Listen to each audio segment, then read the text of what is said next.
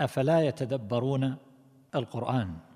فإن المؤمن إذا أقبل عليه وتفهمه وتدبره حصل له بذلك كمال اليقين والإيمان وعرف الله معرفة صحيحة بأسمائه وصفاته فعظمه وخافه وتوكل عليه ورجاه وعرف الطريق الموصل إليه فسلكه وعرف ما يحبه الله فعمل به وتخلق به وعرف ما يسخطه فجانبه.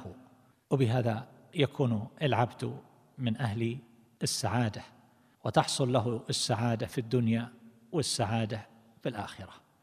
ويكون بذلك من المتقين الأبرار وتنجلي عنه تلك العوالق التي تعلق في قلبه من الشكوك والشبهات أو ما يحصل في قلبه من قسوة ونحو ذلك من آثار الشهوات فالقرآن يجلو قلبه من ذلك كله ويداوي علله جميعا باختلاف أنواعها مما يختلف الناس فيه.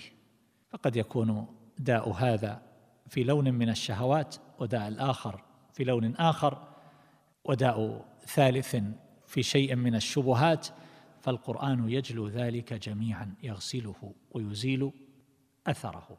التعلق بغير الله عز وجل التعلق بامرأة أو بنحو ذلك هذا كله القرآن يزيله. الخواطر والوساوس التي يلقيها الشيطان القرآن كفيل بعلاجها.